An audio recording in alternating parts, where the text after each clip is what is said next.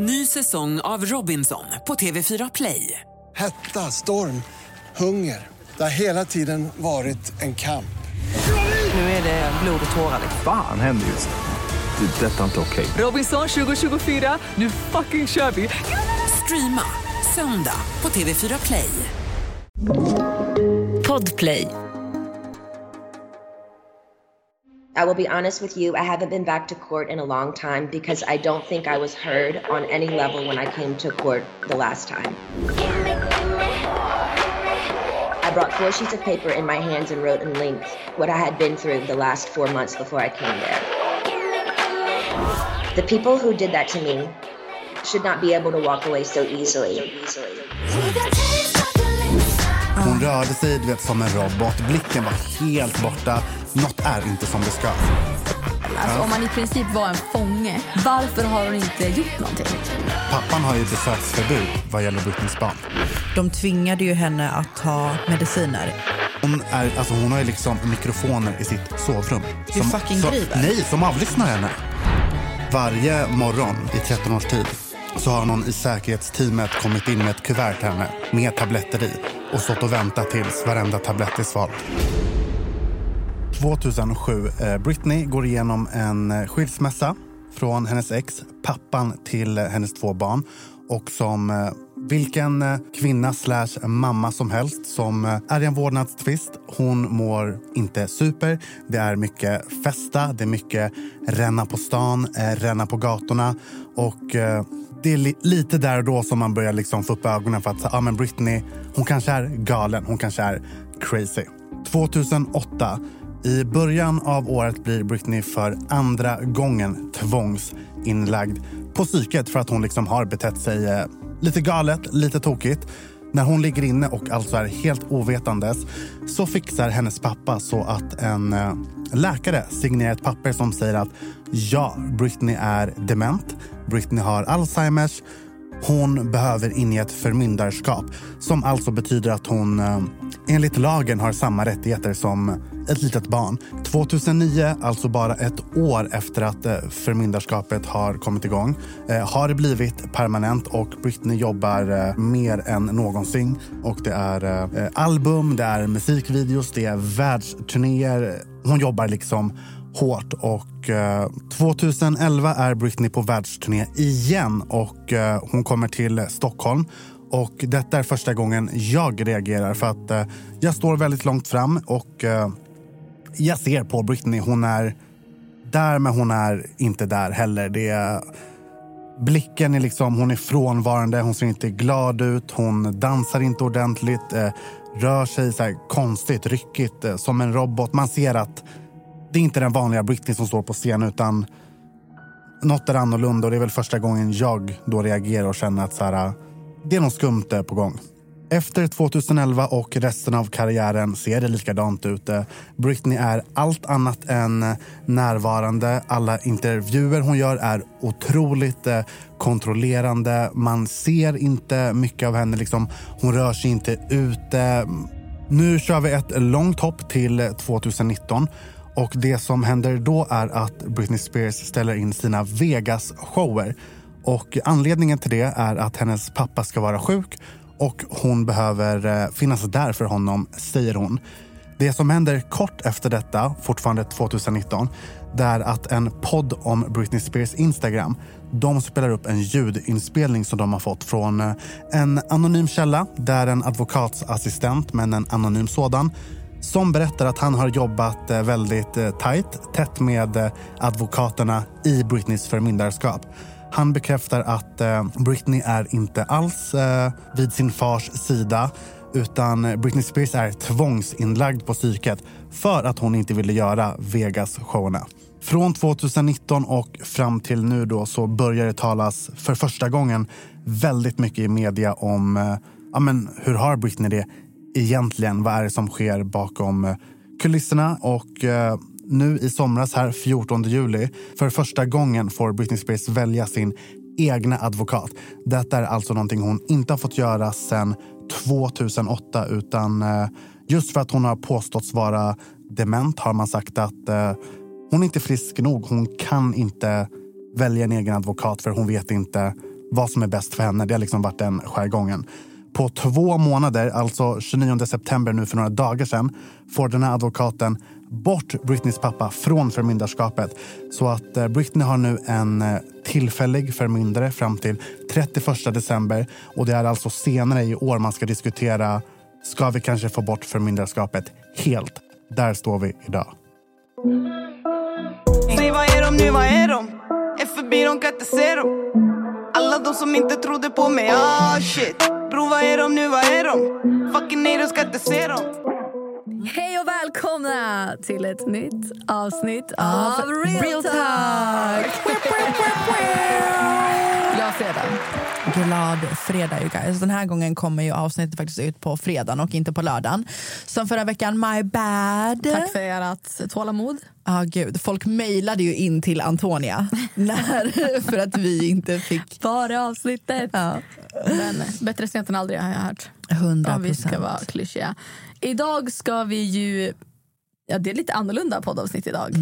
Vi har ju pratat om, eller du har pratat om att du har velat göra ett avsnitt om Britney Spears. Ända sen allt som har alltså, hänt runt henne har påståtts vara en konspirationsteori. Och eh, dagen är kommen. Jag har ju alltid varit intresserad av allt det här med Britney för att ingen har ju trott på det som händer bakom kulisserna. Hon har ju lagt upp väldigt mycket konstiga grejer på Instagram. Det har varit, folk har försökt läsa i hennes, eh, i hennes pupiller på någon Instagram-bild att det står 911. Det har liksom varit konspirationer. Är hon hon? Har hon blivit kidnappad? Så jag har läst på om det här och försökt researcha om det här sen det var en konspiration. Eh, och nu när allt det här har kommit så har jag varit så taggad på att eh, få prata om det. För jag har vuxit upp med Britney sen jag var liten. Liksom. Hon är ju min barndom. Ja. Ja, alltså jag kan ju inte erkänna att jag är fullt lika insatt eller ens intresserad. Sorry, not sorry. alltså jag, som du säger, Britney är också en del av min barndom men kanske inte, hon har nog inte lika stor plats för mig som kanske för många andra. Hon är svinduktig, självklart. Eh, jag ska erkänna, jag kollade dokumentären i morse för att ha lite kött på benen inför det här avsnittet. Och eh, därav vad jag inte kan så kände vi att vi tar in ett proffs. Oh ja. Så med oss i studion har vi ingen mindre än Amira! Hallå! Alltså det är så jävla givet att du ska vara med på det här avsnittet och som folk har frågat efter dig Amir. Ja, får man säga så här att ja, jag håller med? Är det liksom jättevidrigt att säga så? Nej, nej, kör på. Det är Ja, nej. givet. Nej, alltså du är by far. När jag la upp, jag la upp på min Instagram för inte så länge sedan att så här, eller jo det var flera veckor sedan. Eh, att så här, ah, men typ ah, Britney Spears det här och det här innan hon hade rättegången i somras. Ja. Och det var jättemånga som oh my god kan du inte ta in Amir och prata med Amir om det här och la. Fan vad roligt. Mm. Men vi har ju snackat om det här ett tag. Så det känns som att så här, det är dags. It's been a long time coming. Ja, absolut. Men hur blev du liksom Britney-proffs? Hur blev jag Britney? Nej, men, är det någon som vet? Nej, men, nej, men det är så här jätteklyschigt. Alltså, så här, jag har dött för henne sen hennes eh, första singel. Jag fastnade direkt och sen har jag bara följt med eh, album för album, singel för singel. Hon har alltid varit min så här, nummer ett. Alltid. Sen, vad är det? 98 eller 99. Damn. Och jävlar. Jag är med 100 år. Alltså, alltså, så här, länge. Runda slängar 100 Att år. du liksom blev talesperson för Britney. Ja, ja. Det måste jag säga direkt. Jag kommer ju typ prata som att jag känner henne. Det gör jag inte. I wish. Men jag, nej, men jag vet det, jag är så insatt. Så att när jag typ pratar med vänner, ibland märker jag så här... Nej men gud, det låter som att jag typ så här, pratar med henne i telefon. Hon sa till mig att... Nej, men det kommer Min säkert låta så. Men det är inte meningen. så här galen. Soul sister. Nej, men så obehaglig. Vi Kul. förstår dig. Ja. Men för att ändå börja någonstans från början. För mig och för kanske många som lyssnar som inte har jättebra koll. Vill Mm. du förklara lite vad, vad det är som har Alltså vad det är som har hänt och egentligen vad det är vi ska prata om. Ja, ja, men ja, såklart. Nej, Anteckningar. alltså Amir har alltså- anteckningar. Och jag, jag satt ju, för Amir gav ju mig en hemläxa innan det här. Jag bara, jag, vi snackade ju lite, så jag bara, men vad vill du att jag ska, ska jag läsa på någonting? Ska jag göra någonting innan? Och han bara, ja, jag vill att du eh, kollar på Netflix-dokumentären. Jag bara, åh gud, att han gav mig läxor. Liksom. Ja, ja. Så jag satt ju hemma en lördag och kollade på dokumentären och skrev anteckningar. Så anteckningar Ah, så har bra. gjorts från båda håll. Men jag kollade också, ja, jag kollade i morse, lite skillnad på Men du kollar, engagemanget. du kollar. Men jag har kollat och jag kan ändå tycka, för det är säkert många som lyssnar på podden också som har kollat på dokumentären. Men för mig, det här sa jag till er innan, jag tycker att det var lite svårt att förstå allting bara baserat på, på den här dokumentären. Den var väldigt kort för det första. Ja. Och det var väldigt snabbt, alltså väldigt snabba puckar. Men så, så för den delen så tycker jag att dokumentären är självklart bra för dem som, men jag tror att den kanske är bättre för de som har lite mer koll. De flesta så här Britney-fans säger det att dokumentären är bra men de fokuserar mycket på mindre viktiga saker. Ja. Det fanns ju en annan dokumentär om Britney som jag kollade på. Seymour. Ja, exakt. Ja. exakt. Och det känns som att den... Den, den, den är alla Britney-fans enade om att så här, det är den enda dokumentären. För att de, de, den här dokumentären som vi pratade om med Britney på Netflix, Ja. den släpptes ju egentligen för en, två, en, två, en vecka sedan typ. Men Ja. de tog ju bort den och laddade upp den på nytt. Ja, ja, ja. Det såg jag på din story. ja. Varför, gjorde de Varför det? gjorde de det? Eh, det vet jag inte. Den försvann och sen kom den tillbaka. Där går ju de in väldigt mycket uh, Britneys pappa, liksom personerna runt Britney som Ah. ja, men verkligen har varit messy för henne, mot Mm. henne. Men, men kom det upp en inte om- annan version? Nej. Det är exakt Ja, samma. jag vet inte om de tog bort den typ tillfälligt för att det var något så legal och bla bla bla.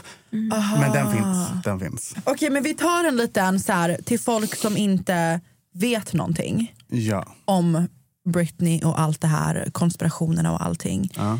Give us a little, men en liten recap om vad som har hänt. sammanfattning. Ja. Ja. Jag- alltså, Jag ska beskriva typ 13 år på några minuter. Rimligt. Så rimligt. Det är ingen stress. Nej, men jag tror inte många, alltså ni vet yngre, de som typ följer en på typ sociala medier. Jag vet inte om alla har koll. Alltså när Britney var stor, alltså liksom länge sedan.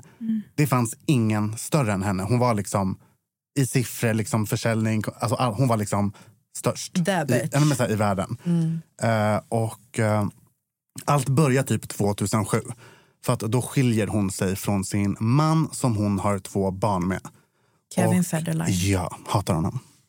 too. och eh, en mamma liksom skiljer sig från barnens pappa.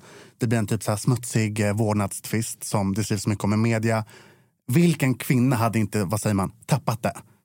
Det är det, många vill ju säga att Britney där 2007 var galen, crazy. Det här var en mamma som bråkade om sina barn i media. Vilken kvinna hade inte liksom tappat det?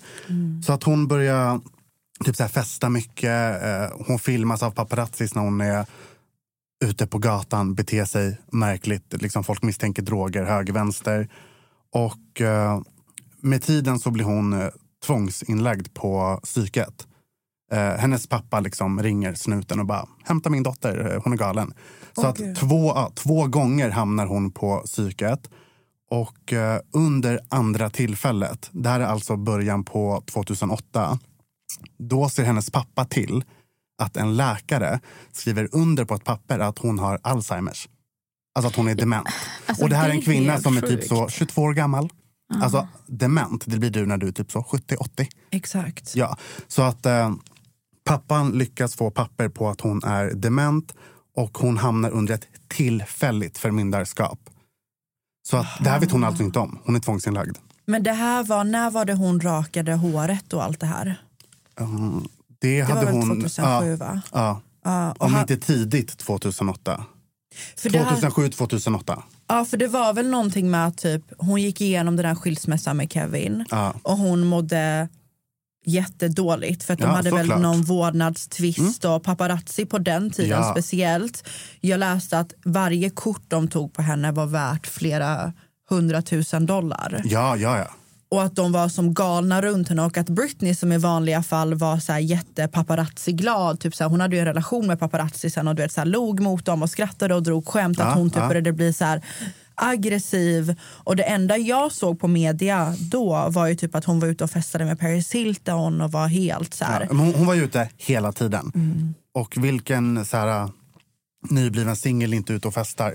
Exakt. Och speciellt om du redan mår dåligt. Exakt. Men det känns också som att det blev, eller var mycket då när så här, unga kvinnor festade mycket. Som med Paris, som med Lindsay Lohan, som med Britney. Att det alltid var så här, ja, men de är galna och festar. Alltså att det blev inte...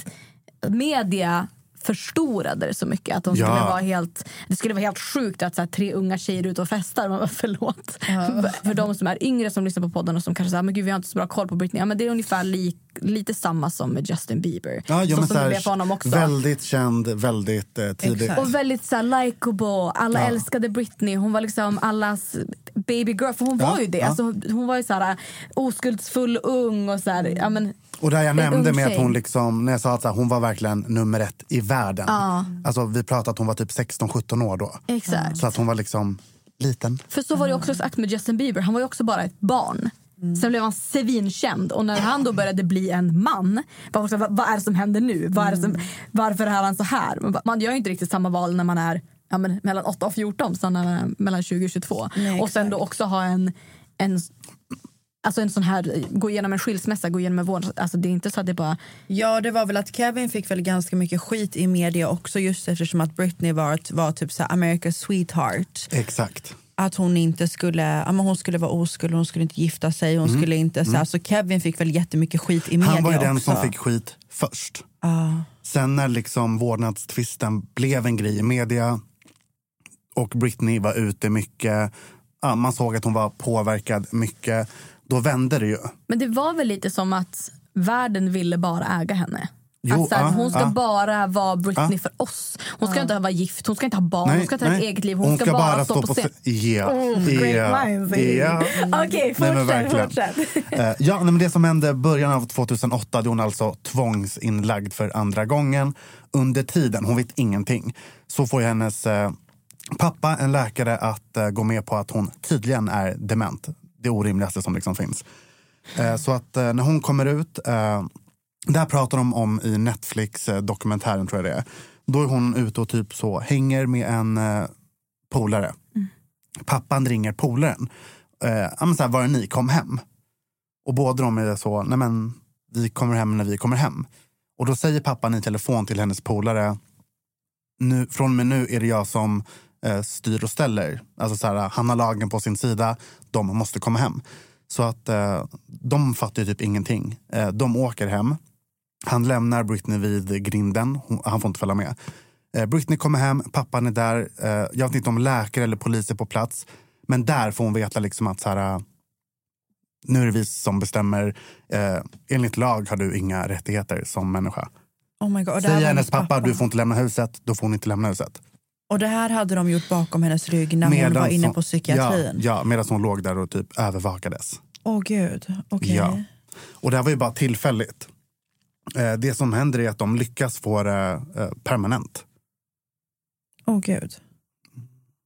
För det är verkligen för de som inte heller förstår vad förmyndarskap är. Det är ju alltså att man blir oförmyn- omyndighetsförklarad i Ja, Sverige. men, alltså, så här, enligt lag, hon har samma rättigheter som typ ett barn som bor hemma. Exakt, att dina föräldrar tar alla beslut. Du kan liksom inte söka vård utan att dina föräldrar, du kan liksom inte skaffa ett pass utan att dina föräldrar skriver på. Ingenting. Han bestämmer vilka hon får prata med, alltså så här, telefon, Mm. Vilka sms, jobb allt. hon ska allt, ta, alltså allt. verkligen allting. Och det hade jag nog inte förstått förrän jag såg dokumentären hur, hur illa det var. För Ja. det är en sak att man tänker, ah, okej men han har hand om hennes pengar, han bestämmer kanske, ja men ah, ska hon få åka på turné? Men, men inte det här att hon får inte ens lämna huset om han inte har gått med på det. Det är därför det har kunnat pågå så länge tror jag. För att där och då när det här liksom blev en grej, förmyndarskapet. Folk hade ju fortfarande bilden Britney galen. Ja. Det var det folk tänkte. Och så kom hennes pappa och liksom, åh jag älskar min dotter, eh, nu ska jag ta hand om henne och hjälpa henne på rätt spår. Alla var ju så här, gud vad bra, heja. Folk hade ju liksom ingen aning om vad som pågick Nej. bakom stängda dörrar faktiskt. Ny säsong av Robinson på TV4 Play. Hetta, storm, hunger. Det har hela tiden varit en kamp. Nu är det blod och tårar. Fan händer just nu. Det. är Detta är inte okej. Robinson 2024, nu fucking kör vi! Streama söndag på TV4 Play. Ett poddtips från Podplay. I fallen jag aldrig glömmer djupdyker Hasse Aro i arbetet bakom några av Sveriges mest uppseendeväckande brottsutredningar. Går vi in med hemlig telefonavlyssning och, och då upplever vi att vi får en total förändring av hans beteende. Vad är det som händer nu? Vem är det som läcker? Och så säger han att jag är kriminell, jag har varit kriminell i hela mitt liv men att mörda ett barn, där går min gräns. Nya säsongen av Fallen jag aldrig glömmer på Podplay. Oh shit. Men vad hände där? Vad hände efter att han fick förmyndarskap om henne? Det är det folk har börjat reagera på nu. Hon börjar jobba direkt. Mm. Spelar in en skiva, musikvideos, världsturné. Alltså jobbar, jobbar. Åh jävlar. För jag har ju för mig att det var väl efter att hennes pappa fick förmyndarskapet som hon släppte eh, Piece of Me.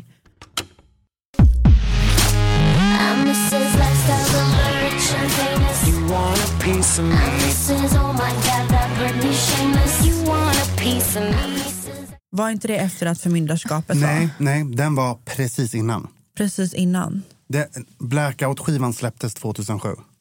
Ah. Åh gud, värsta Britney-proffset. Ja.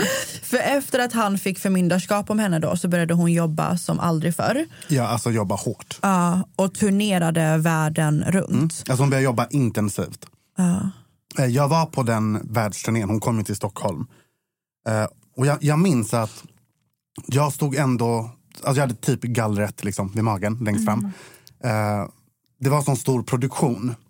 Så att hon var bara som en liten prick på scenen. Typ. Det var så mycket, alltså det var en circus tour så det hände så mycket. Ja. Sen när hon kom tillbaka 2011, alltså en till världsturné ganska tätt inpå. Mm. Då minns jag, det var första gången, jag var där med eh, en vän och efteråt hon bara Amir, vad var det där? Är det Och, och, sant? och jag fattade direkt vad hon menade. För då sa jag, jag bara, nej men alltså Britney var ju inte där. Alltså hon rörde, då var jag, vi var också längst fram. Hon rörde sig du vet, som en robot. Blicken var helt borta. Det var första gången 2011 som jag själv såg så här, något är inte som det ska. När jag såg henne 2011 då hade jag sett henne tre gånger innan det. Så att, så här, jag har sett Britney på scen. Och vet jag bara, det här är inte Britney. Hon var liksom helt frånvarande. Ni vet när någon rör sig typ halvdant. Alltså så här, slänger lite lätt med armen. Alltså du vet, hon dansar inte fullt ut, hon tar inte ut någonting. Eh, hon ser inte glad ut. Det är ingen känsla i det. Nej. Och det är från och med den turnén som folk var så här, hon är tungt medicinerad. Man såg det på henne, du vet, så här, mentalt. De har tryckt i henne något för att hon ska kunna gå ut på scen. De tvingade ju henne att ta mediciner emot hennes vilja. Ja, alltså varje morgon, alltså nu i 13 års tid, så har någon i säkerhetsteamet kommit in med ett kuvert till henne med tabletter i och stått och väntat tills varenda tablett är svald. Det där är så sjukt. Ja. Och jag, tydligen så ska ju Britney ha fått så mycket mediciner men speciellt dagarna då hon jobbade fick hon extra medicinering. Så hon hade, hennes medicinschema var, var avsatt efter de här dagarna jobbar du och de här dagarna jobbar du inte. Ja. Britney nämner ju eh, vid ett tillfälle att de tvingar i henne litiumtabletter. Ja. Men litiumtabletter, det är ju någonting för att... Det, är ju nå- det äter du om du är bipolär. Litium är salt. Ja. Det äter du om du är bipolär. Vad har det med demens att göra? Men alltså det här med demens, det, alltså det är bara så orimligt. Ja. Vilken dement människa kan liksom eh, lära sig en koreografi och dra ut på en världsturné? Där ska du, dementa kommer inte ihåg vad de heter. Exakt. Nej men alltså, Exakt. Alltså, så kommer ihåg alla sina låtar. Och... allt, allt. Ja. allt. Och det sjukaste är att hon är ju den som gör koreografin, Ja. eller hur? Ja. Till alla hennes konserter. Det är ju det sjuka, Britney från början, hon blev ju inte känd för eh, hennes sångröst. Britney är en dansare från början. Aha. Och det som är så sjukt när man kollar på henne nu, när man tänker att det här har varit liksom en tung dansare och så går hon runt dåsig på scen och ser helt borta ut. Eh, som jag nämnde, jag såg henne 2011 i Globen och eh, det är första gången som jag minns att jag bara så här, eh, något är inte som det brukade vara. Och eh, från det fram till 2019 så är det, det är lite samma sak. Varje gång man ser typ så här på nätet ett uppträdande, hon är väldigt så här frånvarande. Eh, Alla intervjuer är väldigt kontrollerade. Man fattar att så här, de har fått frågor på förhand. Det är så här, töntiga frågor. Hon pratar aldrig om sitt eh, privatliv. Och Britney har alltid varit ganska liksom, ja, så öppen, pratar om det mesta. Man märker att hon är kontrollerad, kort och gott.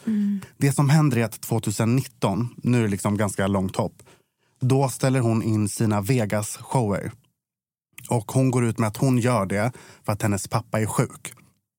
Så hon vill finnas där för honom. Okej. Och vid det här laget är folk så här, mm, det stämmer kanske inte för att det fattar vem som helst. Hon älskar nog inte sin pappa som hon gjorde tidigare när hon Ah. var, med tanke på förmyndarskapet. Och eh, det finns en podd som heter Britneys Gram. De pratar om Britneys Instagram främst. De får in ett anonymt röstmeddelande. Där är det någon, eh, en advokatsassistent. Han är anonym, han säger inte exakt vem han är. Man förklarar att han har jobbat eh, tajt med de som jobbar med Britneys förmyndarskap på lagliga sidan. Och han berättar att eh, allting missköts, inget är som det ska och att varför Britney är borta, varför hon inte gör Vegas-showen, det är för att hon där och då är tvångsinlagd på psyket. Så när det här släpps, det här är alltså 2019, det är då allting börjar liksom blossa upp i media. Allt det som pratas om idag, alla dokumentärer, det börjar där 2019 med det röstmeddelandet. Eh, kort efter det här eh, så lägger Britney upp en video på Instagram där hon står och filmar, eh, hon filmar sig själv i ett rum. Och typ, vad är det hon säger? Att eh, hon har sett att folk är oroliga. Eh, men hon är bara borta ett tag, eh, lite egen tid. Men hon mår jättebra. Folk ska inte vara oroliga. Och man ser att så här, eh, du säger vad någon har sagt att du ska säga. Eh, det finns en video på när hon lämnar. När hon blir liksom utsläppt från det stället hon har varit på. Alltså jag har aldrig sett någon se så messig ut. Ni ska få se en bild. Ja. Men det är också så sjukt när du säger det här att, att det började uppdagas 2019 och ingenting händ, har hänt Från förrän 2008. nu. Eh, Men ändå när det började uppdagas, att från det att någon har fått en första clue om hur jävligt det är, att det ändå har tagit två år. Eh, ni ska få se. Det här är alltså en bild som föreställer Britney när hon lämnar ett ställe där hon har varit på och mår bra. Det här är efter att hon har lämnat psykiatrin eller? Ja, där hon då har varit och Oj. mår bra. Har du sett någon se så trasig ut? Åh gud. Det här är efter att hon var på psykiatrin? När hon var tvångsinlagd, Ja. där är hon blir utsläppt igen. Åh. Och det där är stället där hon alltså, det är där hon har filmat sig själv och bara var inte oroliga, jag mår bra, lite egen tid. Hon ser All- så Nej, hon ser så ledsen förstörd ut. Hon ser inte ens ut att vara där. Jag förstår du vad jag menar? Det är som Ja. att hon är, hon är en annan värld. Men innan hon gick ut med det här uttalandet, var, var, spekulation, var det spekulationer kring henne då också? Ja, det som är är att 2019 är första gången man får något så här äh, konkret. Något som är typ någorlunda bekräftat. Det var ett anonymt röstmeddelande så att så här, ja, man kanske ska ta det med en nypa salt.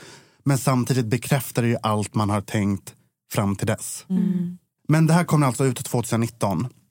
Och där och då börjar ju alla de här konspirationerna. Ja. Det får Diana tala mer om sen, alla TikTok-konspirationer. Oh yes. Eh, de liksom viktigaste datumen, ganska nära i tiden nu. Eh, 14 juli, då tillåts Britney för första gången sen 2008 att välja sin egen advokat. Eh, Och det är nu i år? ja, alltså så här, nu i sommar. Eh, fram till 29 september hoppar vi. 29 september får den här advokaten, Britneys pappa, alltså så här med omedelbar verkan, eh, pappan avstängd från förmyndarskapet. Så att Britney har haft en advokat från 08 fram till 14 juli. Han har inte gjort någonting. Alltså det har snarare blivit typ jobbigare för henne. Hon får för första gången välja en ny advokat, på bara, ja, en egen. På bara två månader får han bort pappan. Det där är så... På två månader. Men så nu har hon ingen, för nu är hon liksom Hon är, egen. grejen är den att eh, hon är fortfarande ett förmyndarskap och jag ska förklara varför det är riktigt bra. Hade förmyndarskapet sagts upp helt då hade Britneys pappa kunnat tagit alla journaler, dokument mellan han och läkare, han och domare. Han hade kunnat tagit allt, tända på, in i brasan, elda upp skiten, leva lyckligt liksom, resten av sitt liv. Nu när förmyndarskapet fortfarande är igång, men med en ny tillfällig förmyndare, då måste Britneys pappa enligt lag föra vidare alla dokument. Så Britney och hennes advokat, de har inte velat eh, vad säger man, upphäva förmyndarskapet. De har velat ha en ny tillfällig. För att nu har de alla papper, kan göra en granskning på pappan och ja, men, typ få in han i fängelset. Oh, Men Ja. vem är hennes förmyndare nu då? Eh, Det är någon som, eh, en, alltså så här, en redovisningskonsult. Ah, okej. det, är så här, det är någon som jobbar med pengar. Ah, Britneys pappa, alltså han, Britney växte upp med en pappa som är alkoholist. Ja. Och han ska då sköta hennes... Vad, vad kan han? 12 november är nästa förhandling i domstolen. Och det är då man ska prata om att vi vill upphäva förmyndarskapet helt. Hur gör vi? Och fram till dess ska de bara granska varenda dokument under 13 års tid och typ stämma skiten ur uh, Britneys pappa. Ja, alltså Ja. Jamie. Vänta bara honom. tills allting Ja, kommer på ja, tal. ja. För det som är så sjukt här emellan, nu har vi ju bara gått igenom lite snabbt Ja. vad som Oh, ja. har hänt under hela Britney-perioden. Men det man inte får, för er som inte har sett dokumentären eller läst på om det här, jag tror inte ni förstår vilken makt Britneys pappa hade över henne. Alltså hon är ju tillsammans med eh, eh, den här tränaren, PTn Sam. Ja, ja. Och hon har ju velat förlova sig med honom i väldigt, alltså ett väldigt bra Ja, tag. jo, jo. Men hon har inte fått det. Um, det, det spekulerades ju till och med en period om att eh, hon hade ju gått live via Sams Instagram Ja. och då hade Sam typ stängt av, hennes kille hade bara stängt av liven typ. Ja. Så de misstänkte ju att han jobbade med pappan och ditten och datten. Ja, det trodde folk ett tag. Jag trodde verkligen också det ett tag. Men det visade ju sig att så här, för, för att ni ska få en blick av hur kontrollerat hennes liv har varit. Hon har inte, han har inte fått köra henne. Nej. Hon har inte fått köra bil. Det är till och med på den nivån att de berättar ju i dokumentären att för att göra Britney glad en dag så hade de ju hyrt, hon fick ju åka långt ut till öknen typ. Ja, alltså verkligen öken. Ja, Ja. där de hade liksom hon fick köra bil i en halvtimme Ja, med ja. 30 människor runt om som har riggat och fixat där. Ja. Förstår du hur kontrollerad hon måste Alltså hon har ju varit, ha det, varit det då? låter så överdrivet men hon har ju på riktigt varit inlåst i 13 år. När hon har fått lämna sitt hem, det är när hon har jobbat. Och varför hon har jobbat, det är för att alla runt henne ska ha pengar. Ja. Hennes pappa får ju procent på allt hon tjänar. Hennes Ja. team, alltså hon har ju liksom varit en, så här, vad säger man, peng, vad- pengako, kassako. Hon har ju Ja. bara dragit in pengar till folk Ja, ja. hela tiden. Ja, för jag, jag har skrivit ner här att på nio, hon körde den här sh- showen Circus. Ja. Den var ju jag och kollade på för hon körde ju verkligen, jag tror det var varje eller varannan helg i Vegas Ja. körde hon. Det Så var när- Piece of Me. Var det det? Ja, i Vegas. Ja, var det Me? Det var Ja. inte Cir- var, var, vilken var? Circus var världsturné. Ja, det var den du gick på. Ja, men jag var på Piece of Me också. Var det det? Ja, Det snälla, var. Jag, var snälla. Man bara, jag åkte absolut till Vegas för att se Britney. Sen åkte jag till Tel Aviv för att se samma konsert. Nej. Ja. Oh my god. För hon körde i alla fall en, en turné Ja. som varade i nio månader och hon gjorde 70 olika konserter. Ja. Eh, och det här ville inte Britney göra. Hon ville inte göra de här, eh, de här showerna för att hon mådde redan dåligt som det var. Ja. Recap I was on tour in 2018. I was forced to do. Men då tvingade pappan läkarteamet att skriva under för att alla beslut måste gå via läkaren också. Ja, jo, Men jo. det man inte vet är ju att läkarna har ju pappan Anställt. anställt också. Ja, ja. De jobbar ju för honom, inte för henne. Exakt, och de tjänar ju också på det här. Ja. Ehm, så de, de hade sagt att det var en dålig idé men ändå två dagar senare hade de skrivit under på att det var okej. Ja. Att hon fick göra den här turnén. Och under den här turnén då, under tiden Jamie har varit hennes förmyndare, Ja. så har han tjänat 16 000 dollar i månaden. Ja. Och på bara Circus-turnén tjänade han 2,1 miljoner dollar. Ja. Medan Britney bara fick 8 000 Och, dollar i månaden. och nu pratar vi om en konsertturné, eh, turné, eller vad man säger. Alltså under förmyndarskapet har hon varit på vad är det?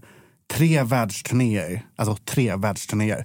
Plus sin Vegas-show där hon spelar på ett och samma ställe i Vegas men typ så här, fyra gånger i veckan. Alltså i åratal. Ja, det kanske var Domination.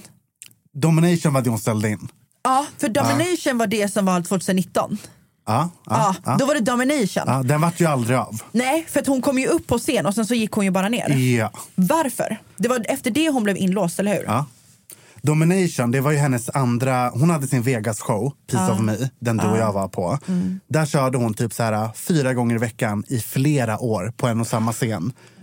Eh, när den var slut ville hon ha en paus. Tänkte att du har gjort samma show, samma koreografi, samma show, samma nummer, allt i flera år. Hon ville typ ha en paus, alltså vi pratar typ månader. Hon ville typ vila, chilla. Eh, hon fick typ några veckors vila. Sen förlängde de och gjorde en ny Vegas-show som då hette Domination because I'd been doing Vegas for four years and I needed a break in between. Som skulle vara samma sak. Hon ska spela samma show flera gånger i veckan i flera års tid. Hon satte ner foten och bara, jag måste, alltså, det här känns inte bra. Jag måste vila. Och hon förstod, eh, jag vet inte vem som pratade med henne, men hon förstod att genom läkarna hade hon ändå ish rätt att säga nej där och då. Så att hon satte ner foten och bara, så här, jag har gjort samma show i flera år. Kan jag få vila lite och sen kör vi igång Domination igen? Hon sa nej. Då hamnade hon, då blev hon alltså tvångsinlagd igen på psyket 2019. Och den bilden ni fick se, det var när hon lämnade det Mm. centret. Vi kan lägga ut den här bilden på poddens Ja, ja. Instagram så Ja, ni får se ni. vilken bild vi pratar om. Ja. För hon går ju upp på scen när hon gjorde den här tur- turnén. Ja, alltså, de kom ju så långt som att hon gick eh, ut på en scen, här, en stor scen man har liksom ställt upp på gatan i Vegas och liksom alla strålkastare på henne för att presentera jag är redan tillbaka, Domination kommer. Men det som händer är att hon går ut på scen, vinkar, ser lite halvt glad ut, går ner för trapporna, går förbi alla journalister, hoppar in i en bil och åker därifrån. Så jag antar att eh, hon eh, redan där har markerat att jag vill inte göra det här. Mm. Så att hon gör väl typ så här bare minimum, det hon måste, ut på scen, vinka, sen drar hon bara. Ja, ja för det var, jag har ju sett klippet, jag kan lägga upp det på poddens Instagram också. Hon går verkligen, hon hissas upp. Ja, och så, ja, så ja. går hon bara ner för trapporna och fortsätter gå. Och man ser ju så hon vill ju inte vara där. Nej. Alltså, det är verkligen så här, hon, hej. Ja, och du vet, Alltså- journalister skriker och fansen Ja, ja, blir ja. helt glada och hon bara så hoppar hon in i en bil och så bara försvinner hon därifrån. Och så, så hör man inte på henne, från henne på hur länge som Ja, helst. För att hon är tvångs, tvångsinlagd. Men det som är så sjukt är att bakom kulisserna så Mm. har ju allt det här har ju allt det här pågått. I 13 år. Till den nivån att vi snackade om det innan att hon har ju hon har ju två barn Ja. och hon har till exempel inte kunnat få De har ju använts emot henne och det här är liksom eh, hennes egna ord. Alltså hon har själv berättat så här, nu senaste tiden att barnen har ju använts emot henne. De har ju sagt till henne, gör det här, gör det här, alltså jobba, dra in pengar. Har hon sagt nej, då har ju de varit tydliga med att så här, men gör du inte som vi säger, då får inte du eh, träffa dina barn. Och hennes pappa har alltså rätt att eh, bestämma det. Ett poddtips från Podplay. I fallen jag aldrig glömmer djupdyker Hasse Aro i arbetet bakom några av Sveriges mest uppseendeväckande brottsutredningar. Går vi in med hemlig telefonavlyssning och, och då upplever vi att vi får en total förändring av hans beteende. Vad är det som händer nu? Vem är det som läcker? Och så säger han att jag är kriminell, jag har varit kriminell i hela mitt liv men att mörda ett barn, där går min gräns. Nya säsongen av Fallen jag aldrig glömmer på Podplay. Oh shit.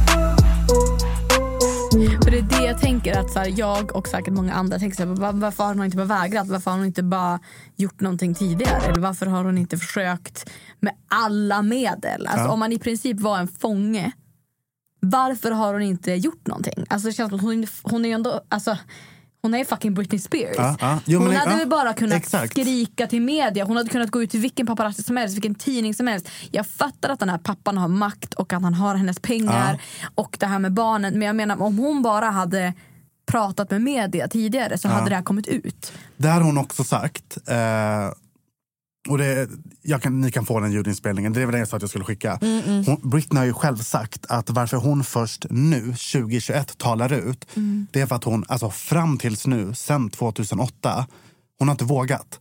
Hon har varit livrädd att eh, folk ska misstro henne. Och hon nämner exakt det du säger att hon är ju Britney Spears, hur kan det här hända? Mm. Så att hon har liksom, hon har skämt, det är liksom en blandning. Hon har ju skämts, hon har varit rädd för att ingen ska tro henne.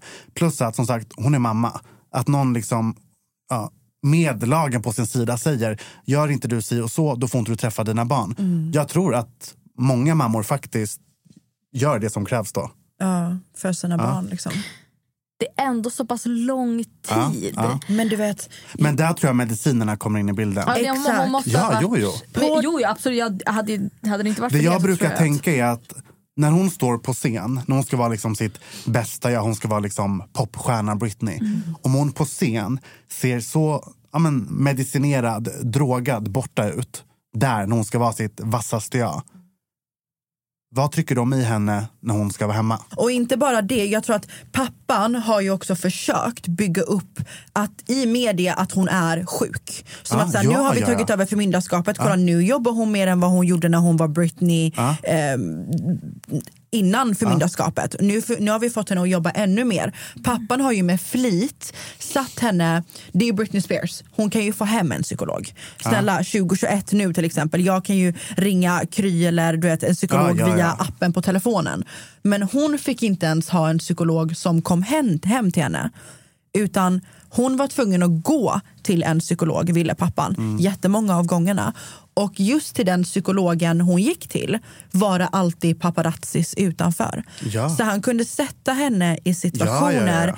där så här, det skulle fångas på bild att hon träffade en psykolog. Ja, Paparazzi skulle ta bild på det. Ja. Helst skulle hon vara, vara os- osminkad och, och De förstörd. har ju spelat på att hon är galen. Exakt. Ja. Ja, det, det, jag köper det också, men jag menar att det har ändå varit så enkelt att bevisa nu när det väl har kommit fram Ja. att så här, hur sjukt det är och Ja. hur, hur väl planerat det här har varit från Ja. pappans sida. Hur, men det är också helt sjukt att, att ingen har försökt, varken hon eller någon av dem. Den här grabben som hon har nu, vad fuck har inte han gjort någonting för? De har varit tillsammans För hur länge han, som han senast, senast för ett år sedan förnyade han sitt eh, avtal att han får inte posta eller prata om Britney.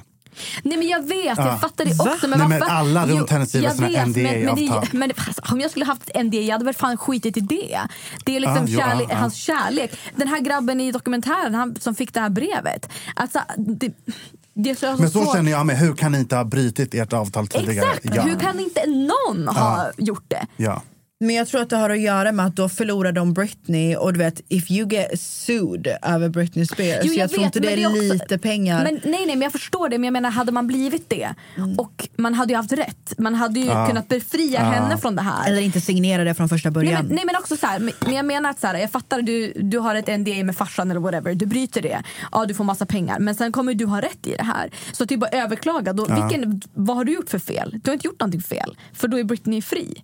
Det undrar jättemånga varför folk... Eh, Exakt. nej men så här, det är en jätterimlig tanke. Ja. Det är jättemånga som ställer sig frågan så här, varför har ingen pratat Mm. eh, tidigare. Men eh, den dokumentären som jag och Diana snackade om innan, den eh, på More, ja. Det finns ju två från New York Times. Mm. Den andra, där pratar de om det här, eh, just det här kontrollerandet.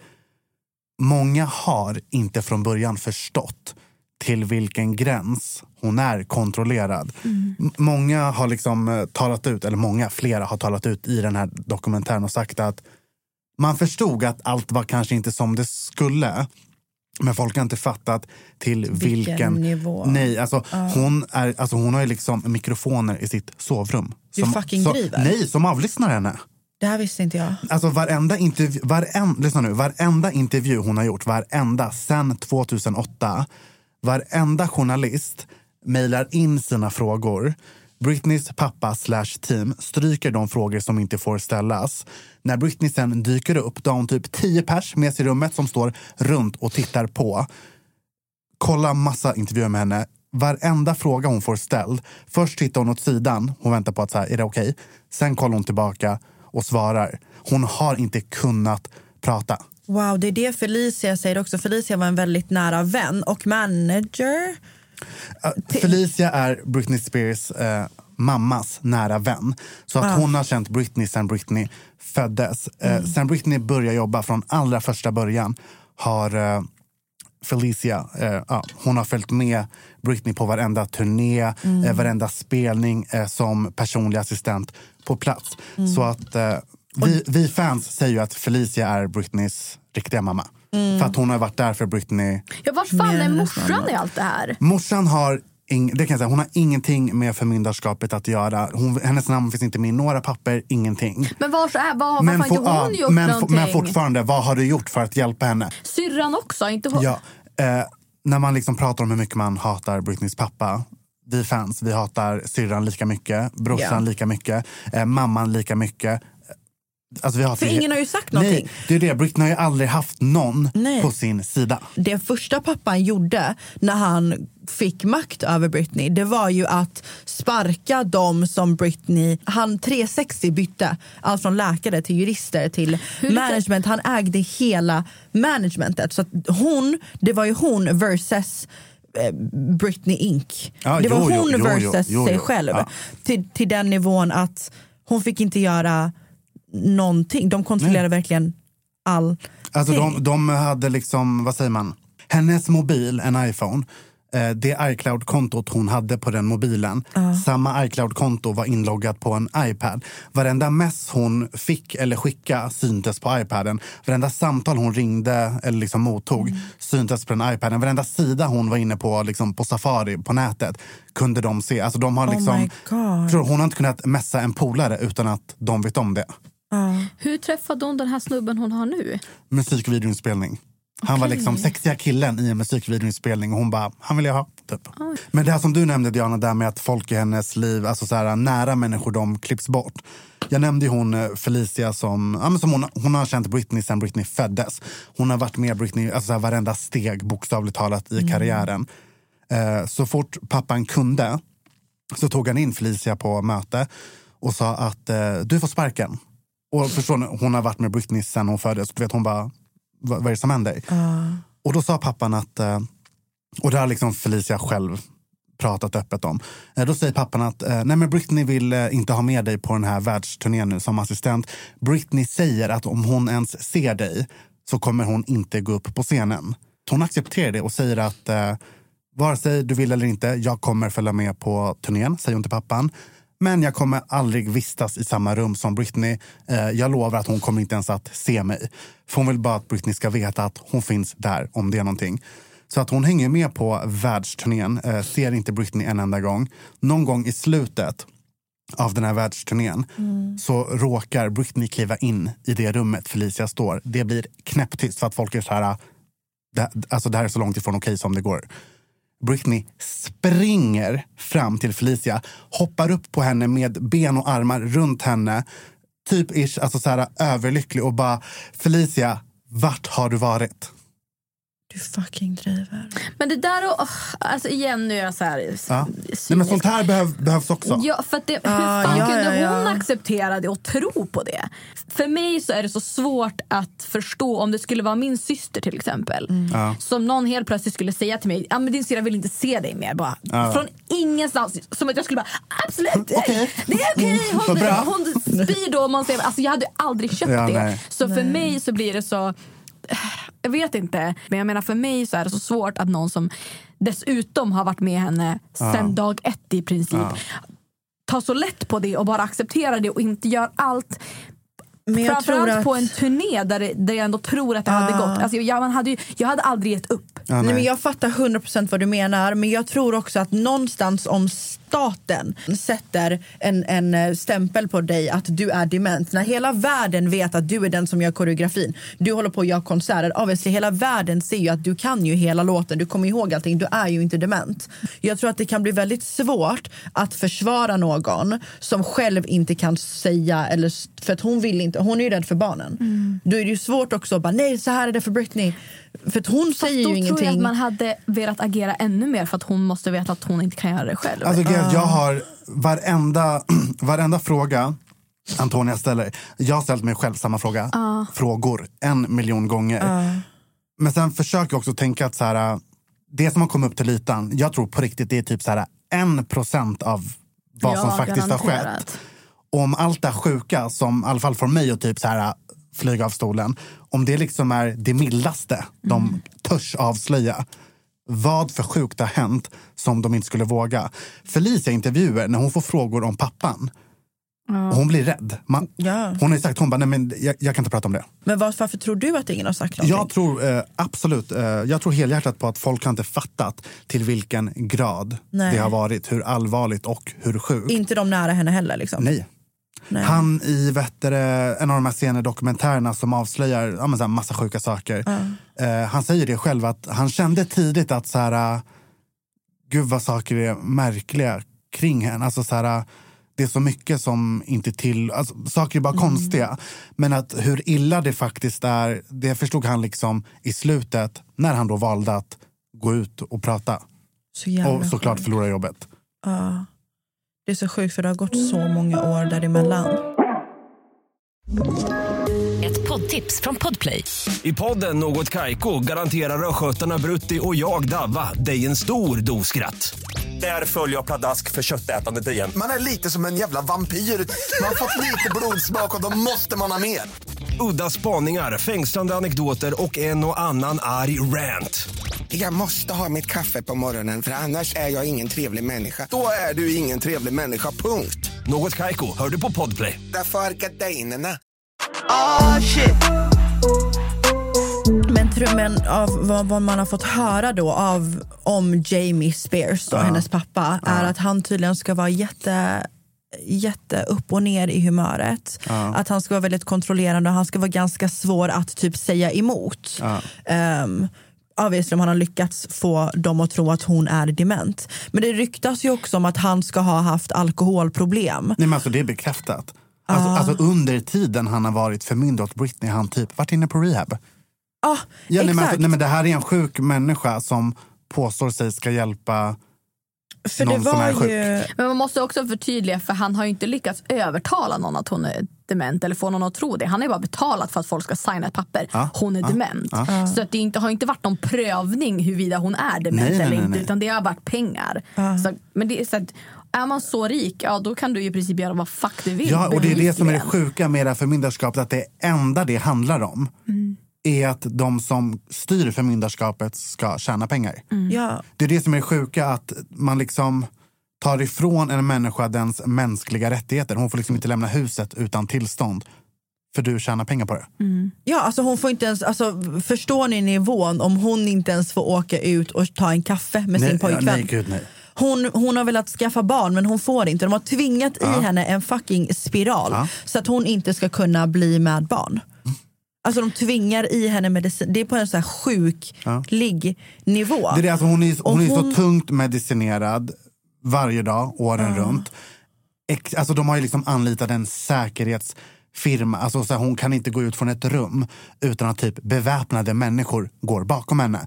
Det här är, alltså så här, när man säger inlåst, det är typ nästan att förminska det. Ja. Det är på en sån sjuk nivå. Alltså jag tror inte man kan Men att hon också sig. flera gånger i veckan testas för droger. Ja. Men pappan, för det är det hon säger i sitt tal också. Hon bara, om jag ska testas för droger, eh, varför ska inte min pappa göra samma sak? Ja, om han då är makt. förmyndare. Ja. Ja, exakt. För det sägs ju att han hade haft någon gång under det här förmyndarskapet, jag vet inte hur länge sedan det var, Mm. men så hamnar ju Jamie, pappan, i bråk med Kevin, Britneys pappas, Britneys barns pappa. Ja. Om att eh, Jamie ska tydligen ha gått hem till Kevin där barnen ska ha varit. Ja. Och då ska pappan då ha blivit, han, jag tror han var full eller någonting, där Ja. han hamnar i bråk med, eh, med barnen. Typ. Han skulle Ja. ha slagit sönder någon dörr eller någonting. Alltså, han, han bråkade med en av Britneys ungar och eh, smällde igen en dörr till den grad att hela dörren gick sönder. Eh, och, ja, men så här, man ansåg att det var så pass allvarligt så att pappan har ju liksom besöksförbud. Han får inte ens träffa Britneys barn. Ja. Men han ska ta hand om Britney. Alltså det är så jävla imponerande. Det spelar ingen roll vilken situation Diana säger. Så du bara, ah, ja, Ja, ja, ja. Men jag säger det, jag pratar ju som att jag typ känner Britney. I wish. Hur gamla är barnen? Vad är de idag? Alltså de är väl tonåringar? Tidigt, ton, alltså nu pratar vi typ så 13, ja, 14 tror jag. 15 tror jag va? Ja, av dem är 15 kanske den äldsta. Ja. Alltså det är så sjukt för att jag har ju följt henne sen när hon var innan hon fick barn och, du Ja, vet, så här, ja, ja. och nu är de typ 15. Ja, när Det man ser kanske är bilder, man bara, de är därför. typ stora nu. Hur gammal är Britney nu? 39. Okay. Hon fyller 40 den 2 december. Och hennes dröm, alltså hennes önskan nu är ju att det hade, det hade varit fett. Det har hon sagt till mig. Eh, ja, det. ja, men hennes dröm är ju att när hon firar sin eh, 40-årsdag nu så är hon en fri kvinna. Ja. I och med att eh, förhandlingen där man ska diskutera om förmyndarskapet sägs upp den 9 november Mm. och 2 december blir hon 40. Shit. Ah. Ja. Men jag måste fråga dig lite, för att innan allt det här med hon, Britney ska ju ha pratat ut tidigare i rättegång där hon säger själv när hon kommer i juli och pratar Ja. och har det här långa talet. Ja. Så säger hon ju att jag har försökt att prata om det här tidigare men ni har, det känns som att ni inte har tagit mig på allvar. Så hon säger ju mellan raderna att ni, the court system, har inte tagit det jag säger Ja, på allvar. Liksom. Ja, det, det var någon gång i år. Fram till dess har ju Britney trott att hon i hennes situation, hon har trott att hon i den situationen inte kan ansöka om att eh, upphäva förmyndarskapet. För advokaten hon har haft, som pappan har betalat, tror ni att han har informerat henne om det? Absolut såklart inte. inte. Nej. Och eh, det är ju flera som har bekräftat att de har försökt förmedla för Britney att men glöm inte dina rättigheter, det här och det här kan du göra. De har klippts bort. Men alltså, barnens pappa, vad, vad är han för... Alltså, är han liksom en vettig person? Varför har han inte... Eller har han bara tyckt att det här är också...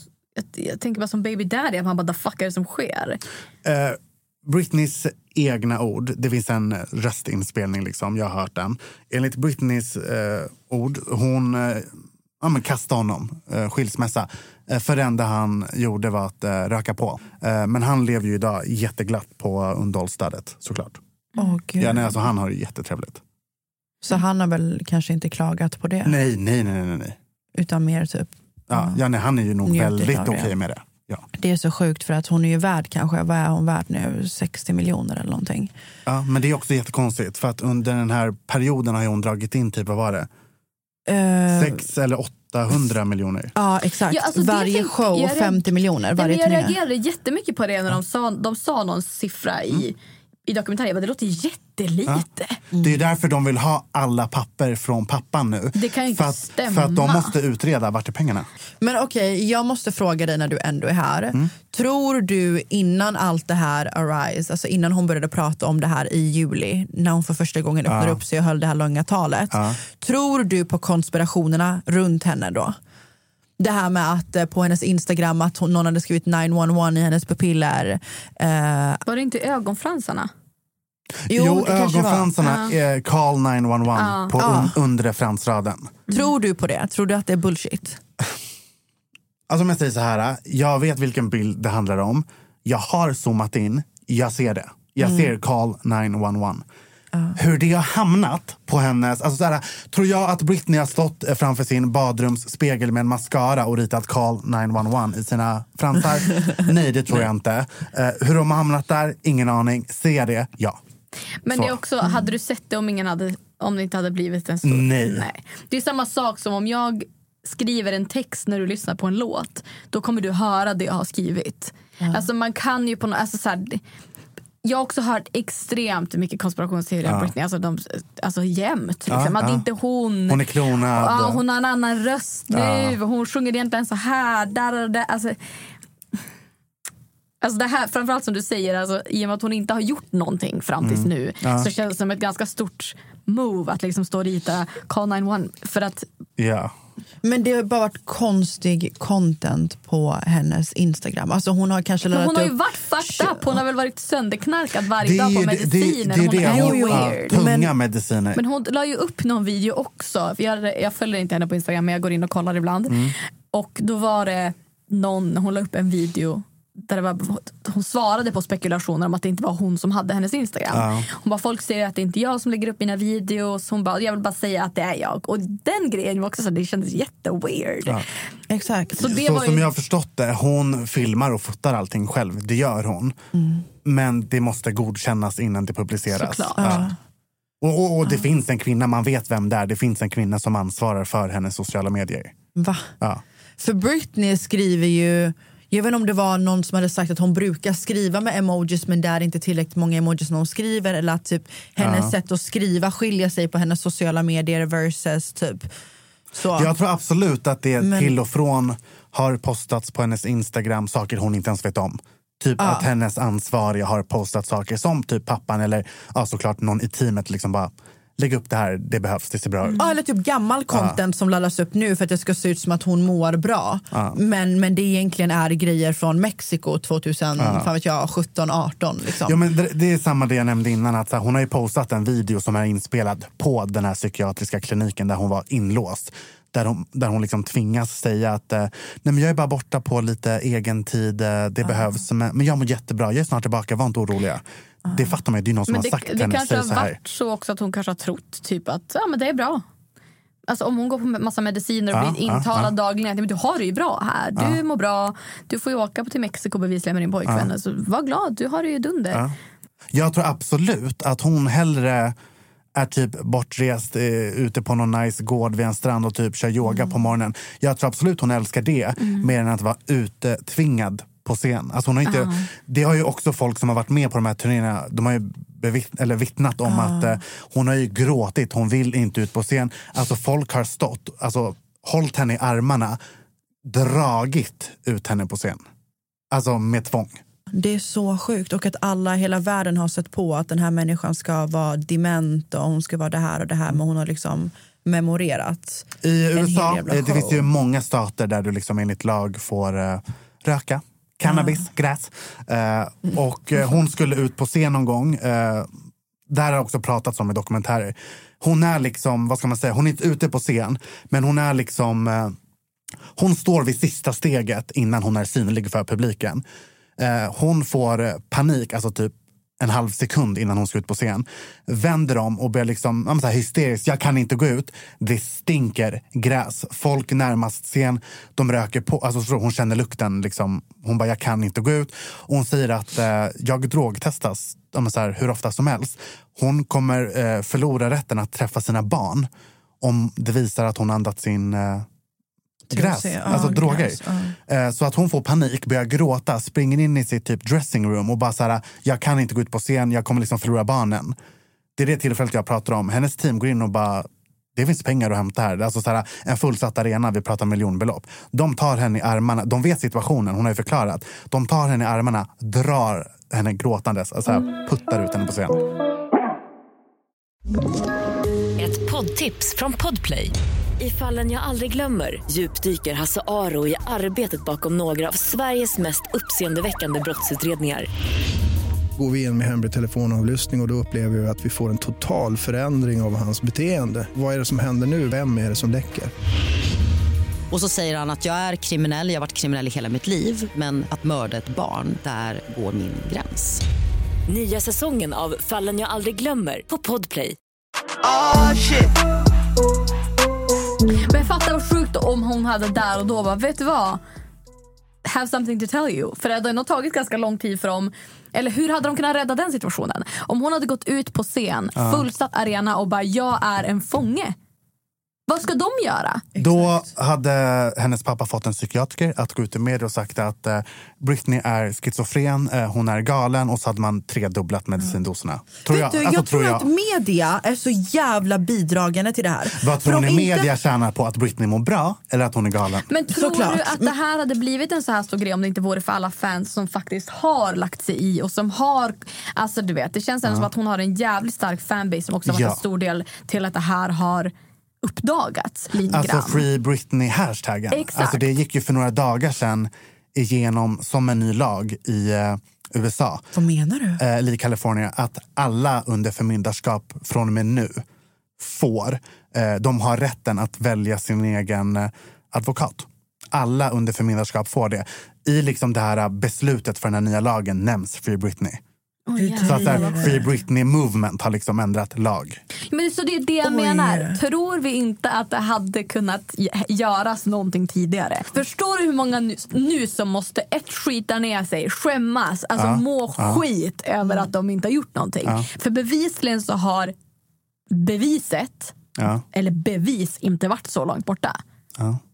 Ja, alltså det är ju en person i hennes närhet, jag kommer inte ihåg vem det var, men det var någon kille som var väldigt nära henne som fick sparken. Typ. Någon ja, men han närhet- brevet. Kanske. Ja, han som Eh. fick det här brevet som hon hade skrivit och bara kan läsa upp det? Wallet. Ja, han, han bad ju om ursäkt. Förlåt. Ja, men han bad ju om Vilken ursäkt sen. ursäkt? Alltså, vi får bara säga till honom, fuck you. Ja, Mm. ja. Han satt ju där och typ så här, mm, jag skäms. Men alltså, det skulle vara synd. Bara, mm, jag får, Ja. man bara, Nej, vet du, jag tror någonstans här att the government är på noterna också, är köpta, köpta i det här också. För att jag tror att de tjänar på det. Allt går att köpa i USAs rättssystem. Ja, Så ja, trust ja. me. Men jag menar, jag, tror att de inte- måste, jag tror att de har någon roll i det här här också. För att vadå, skojar du med mig? I Sverige, vi säger att någon blir, något barn blir eh, taget av till exempel socialtjänsten. Vi utreder ju hela tiden möten, hur går det, hur trivs du? Hur, eh, det är uppföljning på uppföljning. Ja. Hur kan man i USA, när det kommer till en sån stor världsstjärna, inte tänka gud, nu har hon stått här eh, 11 år i rad och gjort eh, olika Ja, koreografier är som hon ska ha gjort. alltså, det går inte Hur kan hon vara dement? Att de inte har gjort en utredning Ja. och kollat lite. Nej, men jag tycker det är helt sjukt.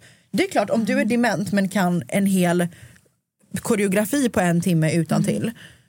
Ja, ja, men det, ja, det är det. Så jag det tror borde- många, alltså just det här, som jag nämnde, så här, många vågar nog inte tala ut om vad de har sett. Ja. Jag tror inte det är bara det att de inte vågar, jag tror att många skäms. För att jag tror Ja. att mycket har, man har sett mycket till en början och så har man misstänkt och så har det bara fortsatt. Och sen när du väl har insett allvaret, då tror jag nästan du skäms för att tala ut om det för att du själv har ju varit okej med det Mm. så länge. Eh, I någon av de här senaste dokumentärerna de intervjuar, alltså han sitter liksom framför kameran in person. Han som signerade Ja! pappret att Britney är dement. De pratar med honom. Han sitter där och bara, jag kan inte nämna om jag har eh, beslutat det eller inte. Kan han som tog det beslutet, Men inte är ens han inte, pratar. Alltså, är det inte helt sjukt egentligen att hela den här dokumentären har folk fått utrymme som egentligen, så här, you fucked up. Ja. Men det är ändå i dokumentären så är det ändå så här, ja, så här, det är ingenting, de, det är ingen som skuldbelägger dem, det är ingen som sätter Nej. liksom, kniven mot strupen. Och det här, nu är det ju den stora frågan som jag väntar på att ställa. Vad händer nu? Eh, Jag är stensäker på att förmyndarskapet kommer upphävas. Eh, om det blir nu i november eller om det blir någon gång, när, alltså, saker skjuts upp, bla bla bla. Eh, det kan säkert bli lite långdraget, det tvivlar jag inte på. Eh, jag tror absolut hon eh, kommer att bli helt fri. Eh, jag blir jättechockad om hon inte gör en tell all interview. Alltså det måste hon ju Ja. göra. Hon måste ju släppa någonting Ja. från hennes version, allt hon har gått igenom bakom kulisserna. Men sen är det så svårt att säga också, så här, antingen så tar hon fighten att hon börjar, nu när hon kan, att hon börjar tala ut i eh, media. Men då, alltså, jag tänker så här, om man ser från hennes håll, då blir det som att allt kommer tillbaka. Jag hade inte blivit chockad om hon bara, fuck allting, jag är fri nu, det är det enda som betyder någonting. Köper en villa långt ute på landet, flyttar in där och lever lycklig där resten av sitt liv och typ aldrig syns i media igen. Jag hade inte blivit chockad alls. Snälla skaffa ett prenup om du gifter dig med Sam känner jag bara. Ja, ja, ja, men, Alltså jag fattar att så här, han har stått ut med henne genom allting Ja. men alltså prenup girl Ja, efter ja. allting hon har gått igenom. såklart. Ja. Nej, men jag tror det kan gå åt båda håll. Jag blir inte chockad om hon bara försvinner. Och liksom bara prioriterar att så här, vara Ja. Britney Spears, privatpersonen. Mm. Ja, alltså hon har ju inte fått det. Hon har ju blivit kontrollerad och tvingats till att göra grejer sedan hon var liten egentligen. Alltså, Ja. Jag fick höra någonstans att när hon var yngre att hennes röst lät annorlunda än vad den gjorde när hon började sjunga. Ja, men så där har det väl varit lite med Christina Aguilera också. Att de har sålt in Ja. henne som en produkt. Alltså det, var, det har hon ju varit. Ja, alltså det kan man ju gud. inte ta ifrån att hon var den här, alltså så här, att hon har blivit en, fått en roll i, i Ja. så har det väl varit med alla 100%. barn, kändisar och folk som har växt upp, växt upp i kändisskap. Men jag Så tror det, definitivt att hennes pappa har haft en del i det också. Speciellt då när de bestämde över henne. För de, det är ju en grej där de, nu kanske det här bara är spekulationer, men att hon, Britney har ju en ganska mörk röst när hon pratar. Men när hon sjunger så blir det liksom väldigt Jo men det där, det där är tillgjort. Att hon, att hon så här ska gnälla lite, det handlar ju om att det ska låta sexigt eh, när de sjunger. Och det är därför hon absolut inte kan eh, sjunga idag. Jag, jag kan inte ta en ton, så nu, så här, nu, nu, jag pratar inte från erfarenhet. Ett, två, två. Nej, men, men det är något eh, man alltid har fått höra, så att, att kunna sjunga det är en färskvara. Eh, och förvränger du din röst, gör det tillräckligt mycket, då förstörs din egna röst i och med att det blir en utmaning på stämbanden. Ah. Så att Britney har tvingats sjunga med den här gnälliga, sexiga rösten. Eh, hennes naturliga sångröst den är ganska mörk och hon har kunnat Opera? Nej, men hon har kunnat ta liksom bra ton, Ja. toner, så att säga. Eh, hon kan ju inte sjunga idag som hon kunde då.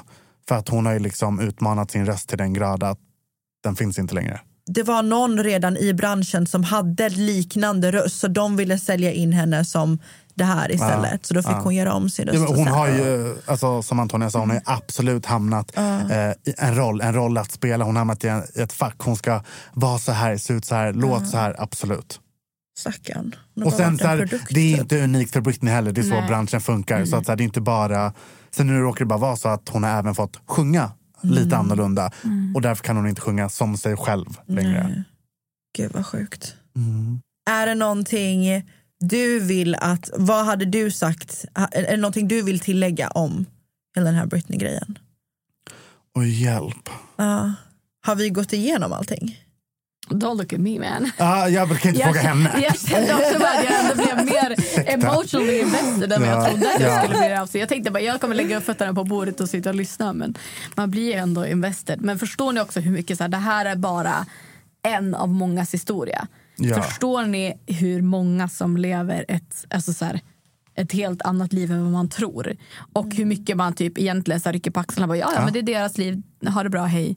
Det jag tycker är fint är att eh, i den här liksom ljudinspelningen från rätten, jag tycker det är så fint att där nämner Britney, hon pratar om liksom rättigheter och så vidare vad gäller andra människor i förmyndarskap. Hon själv säger att det här har hänt mig, jag är Britney Spears.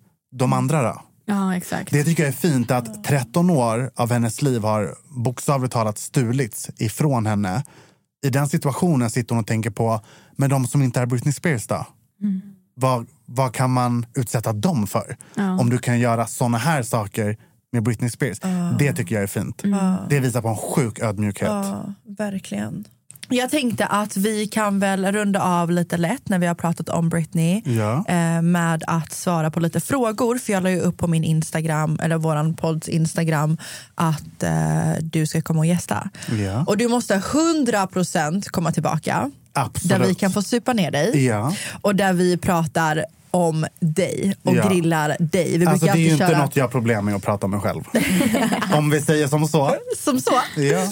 Men det är jättemånga som skriver här eh, att de vill att du ska komma tillbaka till Youtube. Jag måste bara flika in med det. Ja. Eh, för du hade ju även lagt upp en dokumentär, typ ish, om Britney som du hade gjort ja. på Det- Youtube. ja. Finns den kvar? Ja. Vi kommer länka den i beskrivningen. För där tycker jag att du förklarar väldigt Ja, där bra är det ju också. väldigt, alltså, så här, där pratar inte jag bara åratal, utan, eh, eller årtal, jag pratar alltså datum. Mm. Väldigt här, specifikt. Ja, älskar. Ja.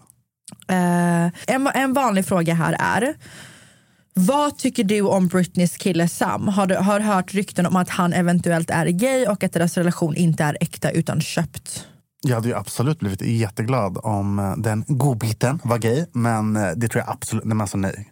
Det där är en sån här grej som någon har varit uttråkad och typ velat ha något att prata om. Jag tror absolut inte det ryktet stämmer. Det här med att han skulle vara gay tycker jag låter jätteknäppt. Eh, Det är en rimlig tanke tycker jag, att så här, ah, men han kanske är köpt av pappan. Det tycker jag är en rimlig tanke med tanke på situationen. Men han har, eh, han har gett så här, små hintar och kommentarer till typ paparazzis. Det finns videos när han bara, nej men Jamie Spears, typ så här, he's a dick. Alltså så här, Mm. han, det är Han hade ju Free Britney-t-shirten på sig också. Ja, alltså det är tydligt att han inte är okej med det som har hänt. Tror du på att Britney någon gång har ersatts av en dubbelgångare? Med tanke på att hon helt plötsligt fick glugg från ingenstans. Alltså inte på det sättet som man har talat om i de här konspirationsteorierna. Självklart det är märkligt att ibland finns det en glugg där, ibland inte. Veckan och, efter finns det ingen glugg och sen men- finns det en glugg. Och så. Sådana saker, absolut jättemärkligt, det skulle jag inte förneka.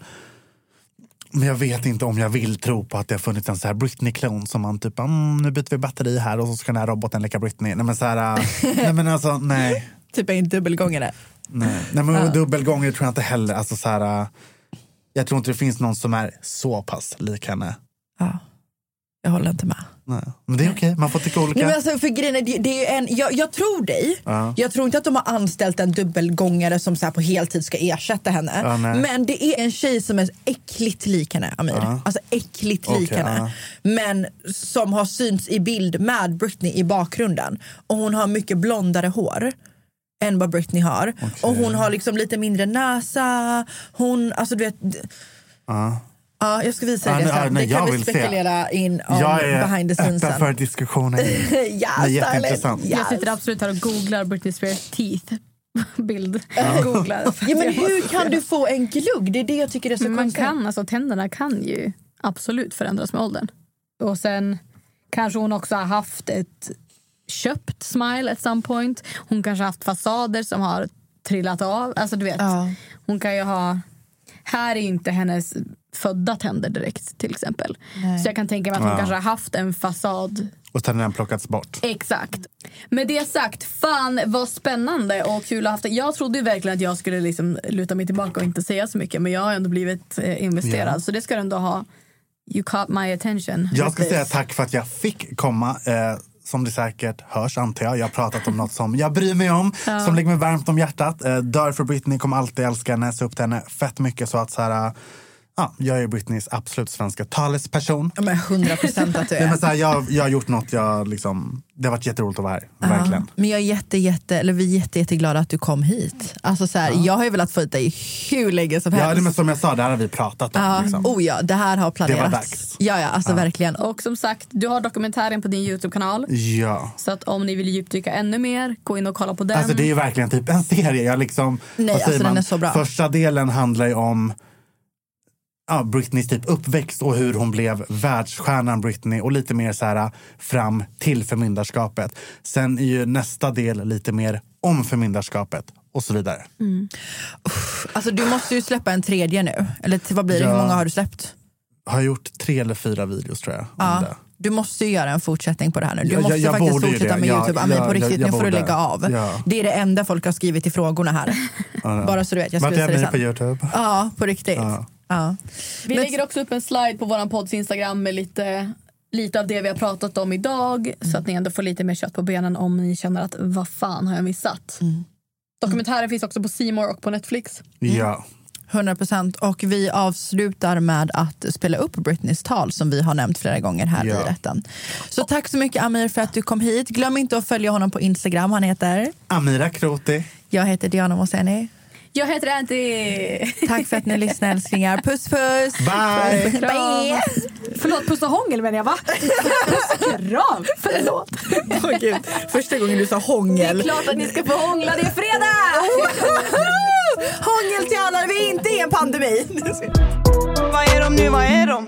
Är förbi, de kan inte se dem Alla de som inte trodde på mig, ah shit vad är de nu, vad är de? Fucking nej, ska inte se dem Ah shit I'll be honest with you, I haven't been back to court in a long time because I don't think I was heard on any level when I came to court the last time. I brought four sheets of paper in my hands and wrote in length what I had been through the last four months before I came there. The people who did that to me should not be able to walk away so easily. I'll recap. I was on tour in 2018. I was forced to do. My management said if I don't do this tour, I will have to find an attorney, and by contract, my own management could sue me if I didn't follow through with the tour. He handed me a sheet of paper as I got off the stage in Vegas and said I had to sign it. It was very threatening and scary, and with the conservatorship, I couldn't even get my own attorney. So, out of fear, I went ahead and I did the tour. When I came off that tour, a new show in Las Vegas was supposed to take place. I started rehearsing early, but it was hard because I'd been doing Vegas for four years and I needed a break in between. But no, I was told this is the timeline and this is how it's going to go. I rehearsed four to four days a week, um, half of the time in the studio and half of the other time in a Westlake studio.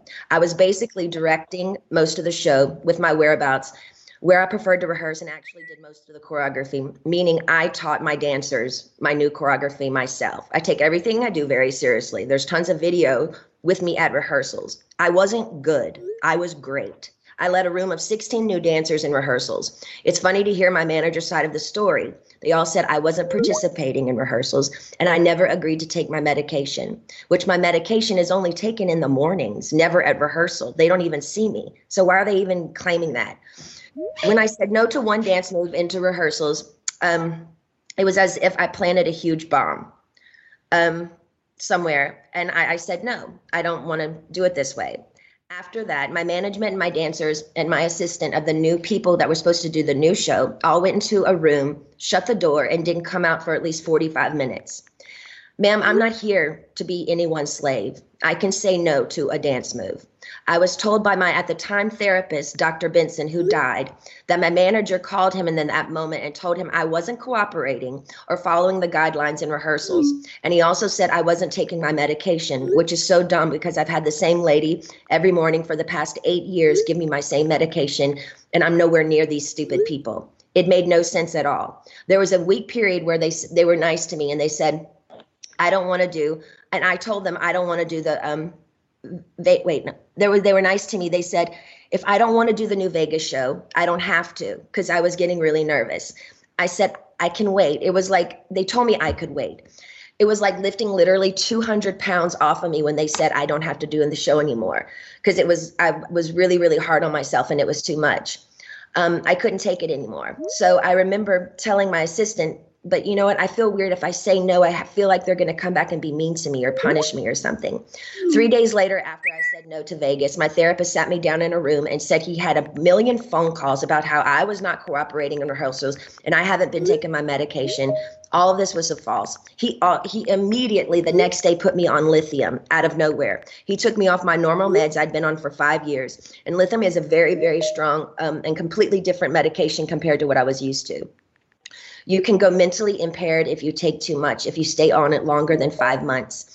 But he put me on that and I felt drunk. I really couldn't even take up for myself. Ett poddtips från Podplay. I podden Något Kaiko garanterar östgötarna Brutti och jag, Davva, dig en stor dos skratt. Där följer jag pladask för köttätandet igen. Man är lite som en jävla vampyr. Man har fått lite blodsmak och då måste man ha mer. Udda spaningar, fängslande anekdoter och en och annan arg rant.